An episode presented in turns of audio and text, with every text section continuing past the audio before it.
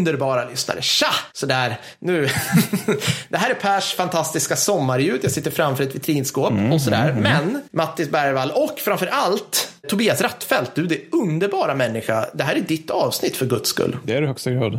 Och eh, Tobbe är en eh, vacker människa. Mm, Som alltså, han har alltså varit då Patreon på Gustav II Adolfs livvakts yrkenivå i min sex månader och har då med en diktatoriskt bra hand fått bestämma exakt vad vi ska prata om. Och vad blev detta någonting för av det? Det blev Nelson och slaget vid Trafalgar. Ja. Väldigt kul det här. Men först innan vi kastar oss över det, jag skulle... Tobbe, du vill ge en shoutout till din kompis eh, Viktor som var dig som tipsade dig om podden. Mm. Bra jobbat Viktor! Heja Viktor, det har, det varit väldigt bra för oss att du gjorde det. Tack så hemskt mycket. Han borde få kickback på något vis tycker jag. Eller han kanske också är en Patreon. Ja, ja, det är väldigt bra Viktor. Men Det andra, angående avsnittsvalet så måste jag säga att han vill då alltså att vi ska prata om båtar med pangar, Ja, Napoleonkrigen och britter. Alltså Ja. tre ämnen som vi tenderar att behandla ganska styrmoderligt. Ja, ja, ungefär Ja, så. Så att han har tvingat in mig i det här som jag ska prata om. Och jag vill bara säga så här, för nu drar vi igång och jag kan lägga lite Rule Britannia på det här Fredrik. För tack Tobias för att du äntligen fått mig att dra tummen ur och läsa på om slaget vid Trafalgar. Ja. Alltså, det, det är kul grej med det, för du vet exakt allt om det Mattis, Ja. utan att ha läst en rad om det. Och det gör du också som lyssnar. Alltså, för, för det, liksom, varför är det så här? Jo, för att slaget tillhör ju nu grundstoffet till i princip alla fiktiva slag, strider och krig som all populärkultur sedan 1800-talet har producerat. Ja. Och det, det är liksom så här, och det här är slaget vid Trafalgar i, i praktiken. För den, det, är så, det är så idealiserat. Den unga ortodoxa befälhavaren, Mattis, är du med nu? Mm. nu? Det här är min Hollywood-pitch till dig nu, som jag ger dig här. Ja. Den unga ortodoxa befälhavaren från lag god ställs mot det onda imperiet, stor begynnelsebokstav på varenda ord där, och dess hantlangare i ett slag som kommer att avgöra framtiden för land blå, allas frihet, västerländsk civilisation. Mm, du är med så långt? Jag nu? anar brittisk historieskrivningar. Ja. Ja, mot en förkrossande övermakt, nåja. Och mot alla odds lyckas han tack vare, alltså den, den eh, ortodoxa befälhavaren, lyckas han tack vare innovativ taktik och ett strålande tal gå hem med segern i behåll. Just det, just det. Allt är fantastiskt. Ja, absolut. Men,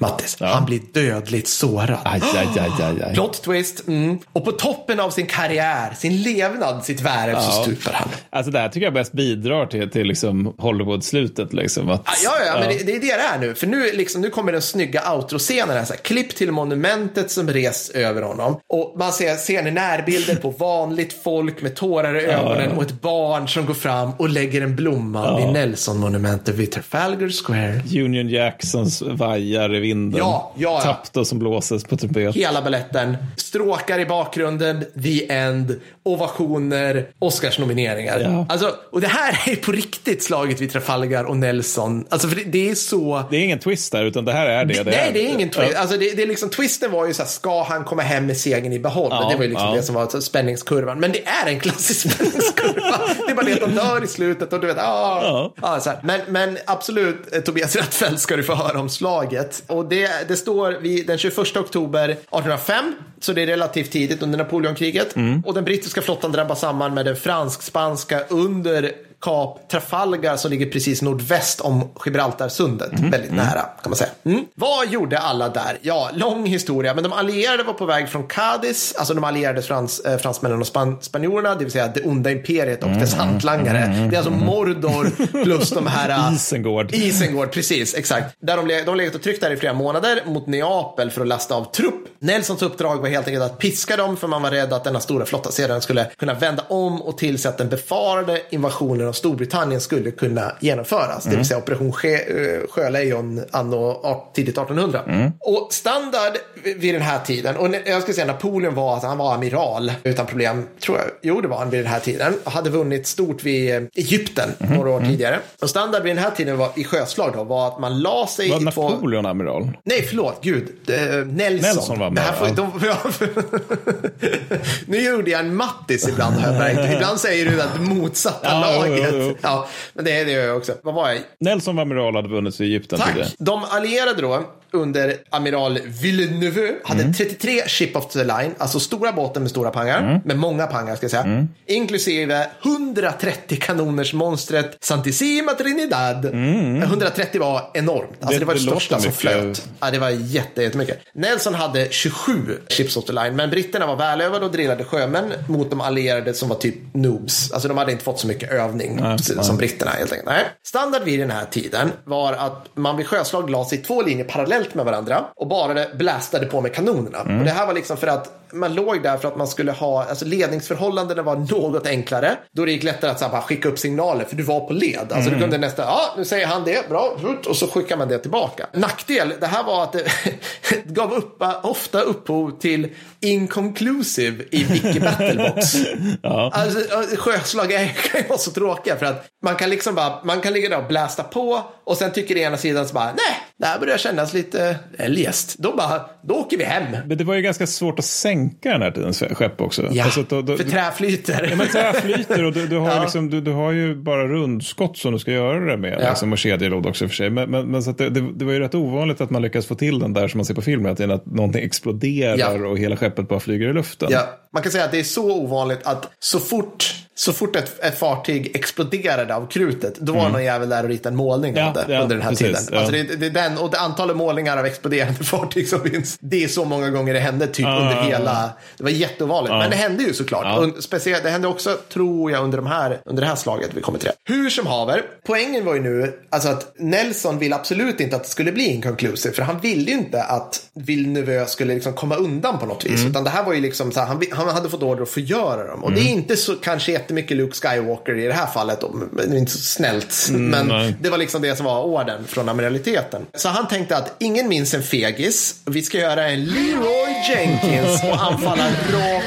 på fiendens linje i två kolumner. Mhm. Så att då kan man tänka sig så här. Och det här är alltså, det här är ju sånt som aldrig funkar på landbacken. För att ringa in och förinta och helst ta och borda ta fiendens fartyg. Alltså att fransmännen och spanjorerna ligger på linje Mm. och sen kommer det ju två bara led eller vad ska jag säga och bara smackar rakt igenom dem. Mm. Finns lite problem här. Problemet är att fransmännen och spanjorerna har väldigt mycket fler bredsidor att skjuta på dig medans du kryssar in rakt emot dem Just och i båt mot dem. Mm. Hur gick då det här? Jo, det gick ju alldeles strålande såklart för då? liksom, men, ja. Jo, ja, men så här. Alltså, han pysslade lite grann med uppdragstaktik Mhm. till att börja med. Mm. Han hade ett fantastiskt tal som är högst oklar. Alltså källäget är katastrofalt lite grann Ja, av de här ja. grejerna. Men liksom, det, här, det här är ju återigen, alltså, du kan ju förstå den brittiska historieskrivningen efter det här. Det här är en enorm, det är en, det är en, ordentligt sjö, det är en ordentlig sjöseger. Ja. Och hjälten från sjösegern stupar. Ja, ja, alltså vi ja, har ju den perfekta martyrmyten som vi kan bygga här liksom.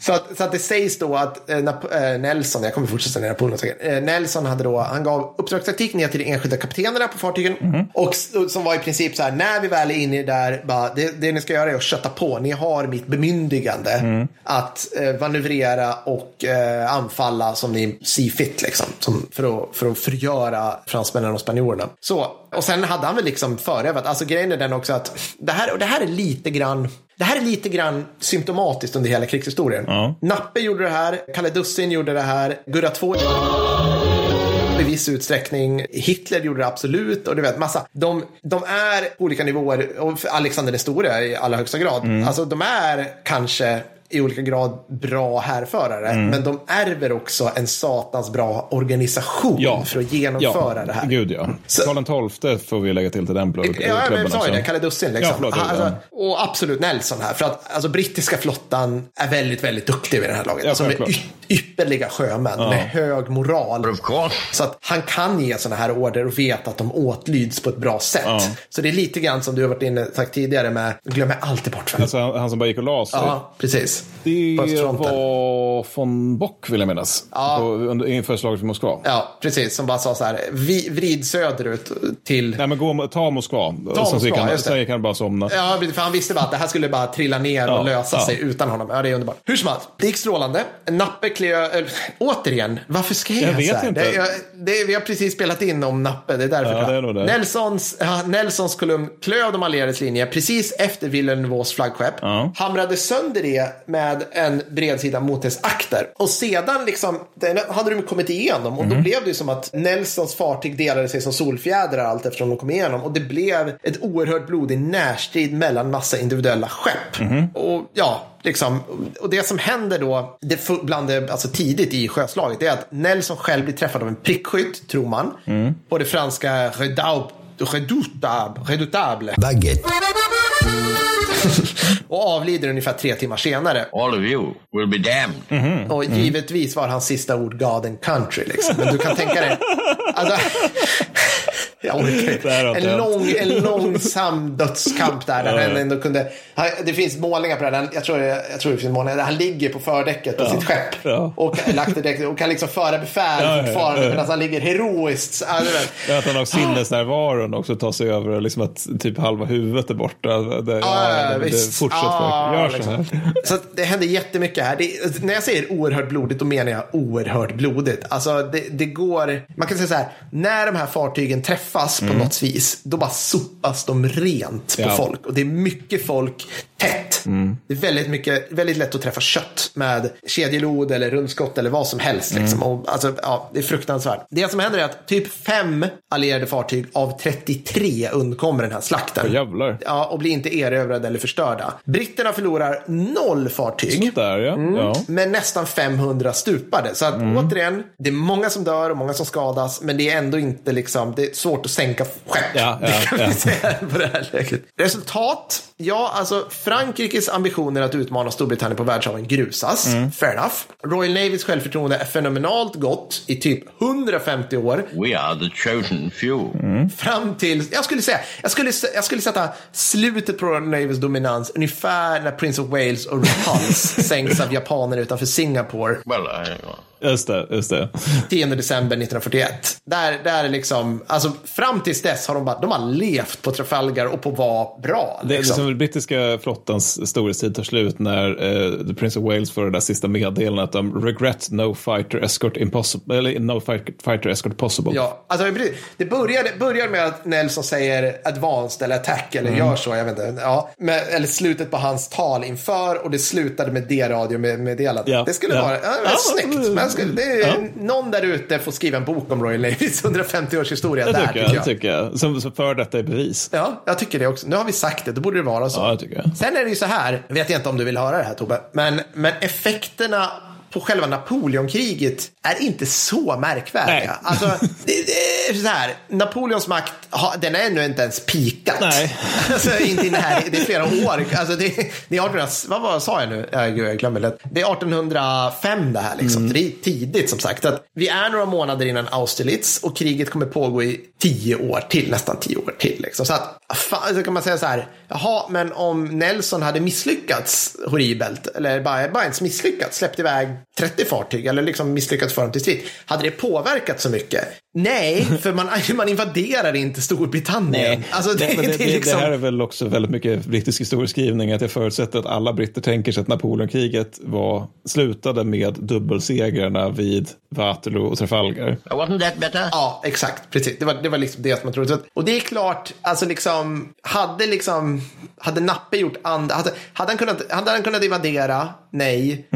Betydde blockaden, eller liksom, eh, betydde blockaden mot Storbritannien någonting jättemycket? Nej, utan de hade ju förmodligen kunnat liksom samexistera, alltså Napoleonriket och Storbritannien och ingen hade rått på den andra speciellt mycket för att Napoleons makt slutar där, vad sa du nu, vattnet når hästarnas sadel. Ja, just det. Um, Men Royal Navy har svårt att segla till land ja, ja. på marken. Så. ja, men då är det lite mexican stand-up. Så. Det är lite mexican stand-up. Så bra jobbat Nelson. Och jag menar absolut, han bröt ju upp den här hegemonin som hade varit hela 1700-talet med att liksom så här strider vi. Och jag menar, han har gett upphov till jättemånga böcker som jag har haft jättekul av. Alltså hela Age of Sail-tiden som jag läser, som är besatt liksom, tycker jag är fantastiskt. Så det är Nelson har slagit vid Trafalgar. Man kan prata mycket om det. Men, men tycker det eh, vi, ska, vi ska ha mer Age of Sail snart också, eller hur? Ja, men det ska vi göra, men också Mm. att jag tyckte det var intressant att höra. För Trafalgar är ju sånt här slag som man känner till, men man vet nog inte så mycket om det. Nej, precis. Den är ju för ohipstrig för oss, Mattis. Ja. Vi läser ju inte sånt här. Nej, men det är en av alla dessa segrar. Liksom. Ja. Att, ja, det gick bra, men vad var det som hände då? Ja, men, Var det avgörande slag? Ja, Givetvis, givetvis. Ja, Moraliskt avgörande slag. ja, ja precis. Nej, så att eh, det var kul. Ja. Och Tobbe, enormt tack. Enormt tack. Alltså, Stort Det tack. går inte att... Du är bäst, helt bäst, enkelt. det är. Hoppas, eh, beroende på det här kommer hoppas vi syns på Tersen eller kommande livepoddar och allt sånt där. Det ska vara fantastiskt. Bra, ha det fint hörni. Ha det bra. Hej. Hej då.